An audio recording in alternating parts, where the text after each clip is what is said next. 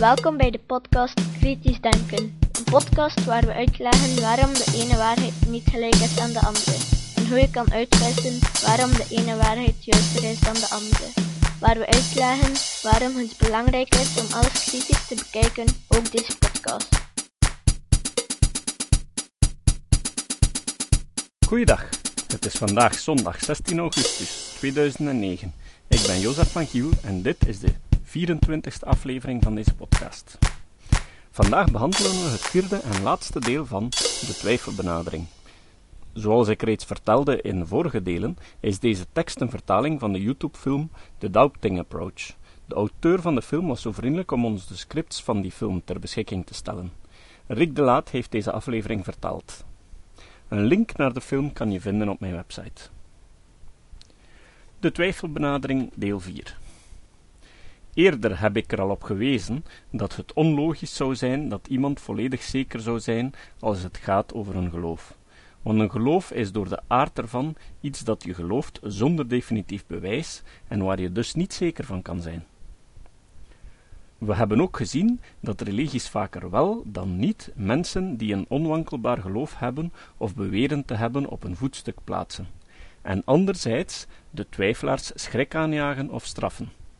Daarenboven hebben we aangetoond dat God niet zou willen dat we al te zeker waren in zaken geloofszaken, zelfs niet over zijn bestaan, maar dat hij liever zou hebben dat we zouden twijfelen. Zie daarvoor de drie vorige delen. Hoe zou een religieuze vereniging dus de twijfelbenadering moeten toepassen op hun bijeenkomsten, hun theologie en het leven in het algemeen? Wel, om te beginnen zijn er zoal. Deze groepen worden echter meestal als vrijdenkend beschouwd.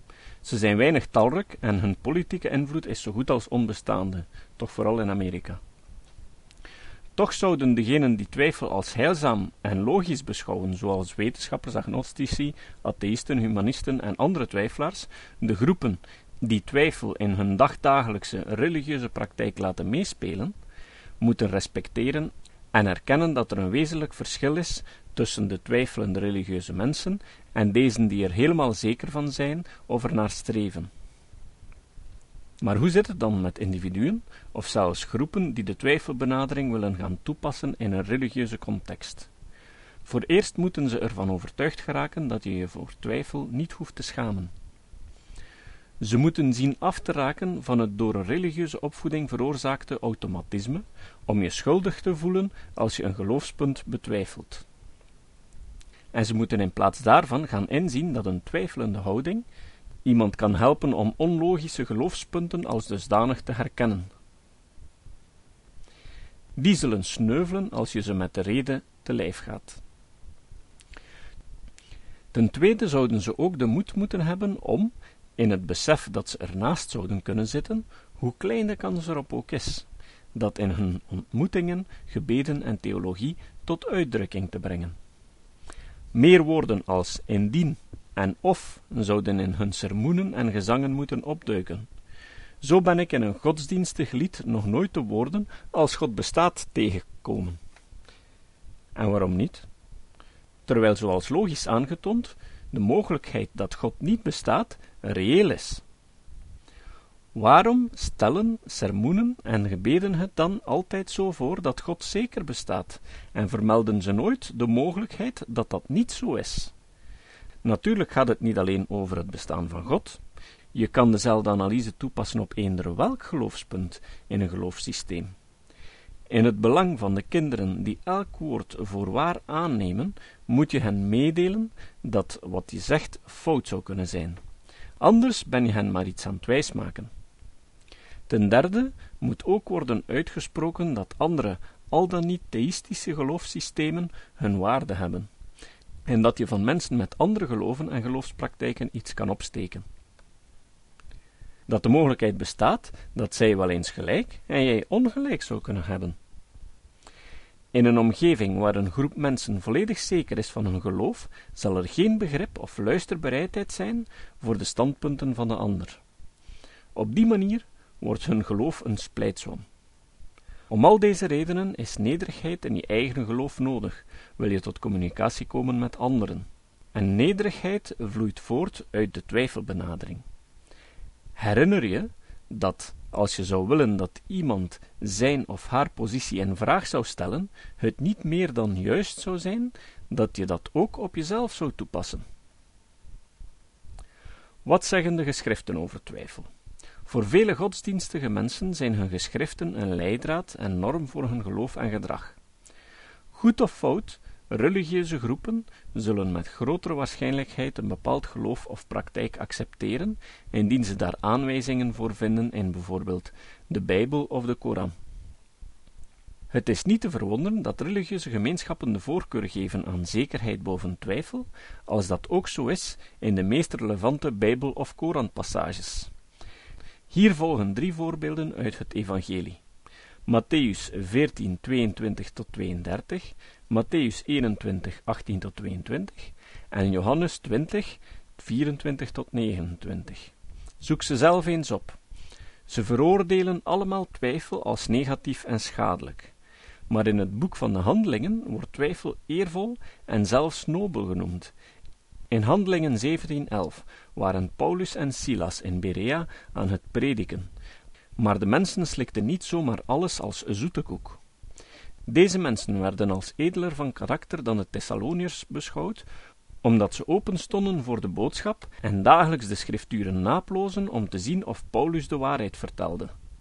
Met andere woorden, de Bereanen zochten naar bewijsmateriaal, in dit geval de geschriften, om te zien of Paulus en Silas de waarheid vertelden.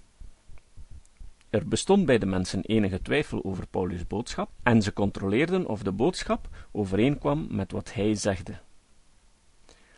Als ze niet twijfelden, zouden ze de moeite niet hebben genomen om in de geschriften na te gaan of de boodschap waar was. Ze zouden ze zonder meer aanvaard hebben, en hun twijfel werd in de handelingen dan ook geprezen. De Bijbel keurt dus twijfel af, maar ondersteunt ook twijfel. En de Koran? Ook hier weer ondersteunen de meeste versen de zekerheid, maar toch is er ook plaats voor twijfel. In het tweede hoofdstuk, waar de Koran het over zichzelf heeft, staat te lezen: Dit boek, waarin geen twijfel wordt gevonden, is een leidraad voor hen die waken tegen het kwaad. Dat staat op hoofdstuk 2, vers 2. En zo vind je nog vele andere voorbeelden. Alhoewel, wat verder in hetzelfde hoofdstuk kan je lezen: En zo je datgene dat we hebben geopenbaard aan onze dienaar betwijfelt, Maak dan zelf eens een gelijkaardig hoofdstuk en beroep je op andere getuigen dan Allah als je de waarheid spreekt. Hoofdstuk 2, vers 23. Ook hier wordt ruimte gemaakt voor twijfelaars. Wat betekent dat nu allemaal? Niet zo erg veel, zoals in het geval van andere betwiste passages. Ruziende partijen vinden allebei bijval en weerlegging in de Bijbel en de Koran. Maar toch houdt dit in dat zowel christenen als moslims indien gewenst ondersteuning kunnen vinden voor de twijfelbenadering in hun respectieve boeken. En hoe zit het met de dagelijkse uitspraken die we allemaal gebruiken in verband met zekerheid en twijfel? Ik betrap er mezelf op dat ik dingen zeg als: Ik ben er zeker van dat ik mijn sleutels daar gelegd had.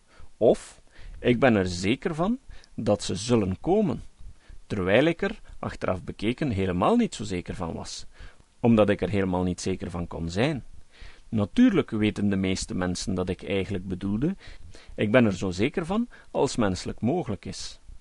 Maar hoe begrijpen kinderen dit, of goedgelovigen?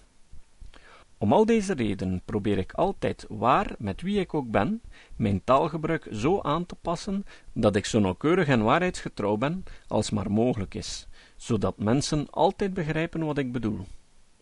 Zo het gebruik van de twijfelbenadering in religieuze kringen, waarop geloof gebaseerde beweringen geen absolute zekerheid hebben, ook geen goede gewoonte zijn. Ik ben er bijna zeker van dat, als een groep mensen de twijfelbenadering toepaste, ze met grotere zekerheid tot een geloof of praktijk, gebaseerd op waarheid en wijsheid, zouden komen, vergeleken met een groep die een geloofssysteem aanhangt waarin ze toevallig zijn geboren of waarvan ze de volledige zekerheid hebben. Ik geloof ook dat op plaatsen waar twijfel als heilzaam en logisch wordt omarmd, duidelijk valse geloven in aantal zouden verminderen. Creationisme zou hiervan maar één voorbeeld zijn. Het citaat. Het citaat van vandaag komt van Ayaan Hirsi Ali. Zij is een Nederlandse politicus van Somalische afkomst. Zij is als moslim geboren en heeft alles meegemaakt wat een moslima normaal meemaakt. Ze werd besneden, ze heeft uit eigen wil een burka gedragen, tot en met uitgehuwelijkt worden aan een man die ze nog nooit gezien had. Op dat moment is ze gevlucht en via Frankfurt in Nederland terechtgekomen, waar ze asiel gevraagd heeft. Dan de Nederlandse nationaliteit gevraagd om tenslotte in de politiek te gaan.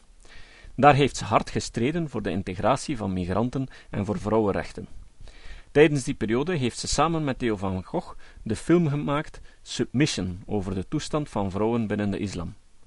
Sinds zijn moord leeft ze onder strenge politiebescherming. Ze schreef het boek Mijn Vrijheid als autobiografie. Ik heb het gelezen. Nee, ik heb het niet gelezen. Ik heb het beluisterd. Het is ook uitgegeven als luisterboek, ingelezen door Ayaan zelf. Iedereen zou dit boek absoluut moeten lezen, vooral, vooral die mensen die denken dat de islam een godsdienst is zoals alle andere. Ayaan Hirsi zei dat de afgelopen duizend jaar in de hele Arabische wereld evenveel boeken zijn vertaald als in Spanje in één jaar, is een feit. Dat al die islamitische landen geen democratie hebben, is een feit. Tot de volgende keer. Dit was de podcast Kritisch Denken. Vergeet niet om alles kritisch te behandelen, ook deze podcast. Voor verdere informatie over deze podcast, links en voor de tekst, surf naar www.kritischdenken.info. Als je deze podcast belangrijk vindt, dan kan je me steunen door andere mensen warm te maken ook eens te luisteren. Stuur een e-mail naar je vrienden met een link naar mijn website of plaats de link in de handtekening van je e-mails. Kan me ook steunen door op iTunes deze podcast een goede beoordeling te geven of een recensie te schrijven. Of je kan op je eigen website of blog een link naar mijn website plaatsen. Hoe meer links, hoe sneller je gevonden wordt op Google. Dat kan beloond worden door een link naar jouw website bij mij.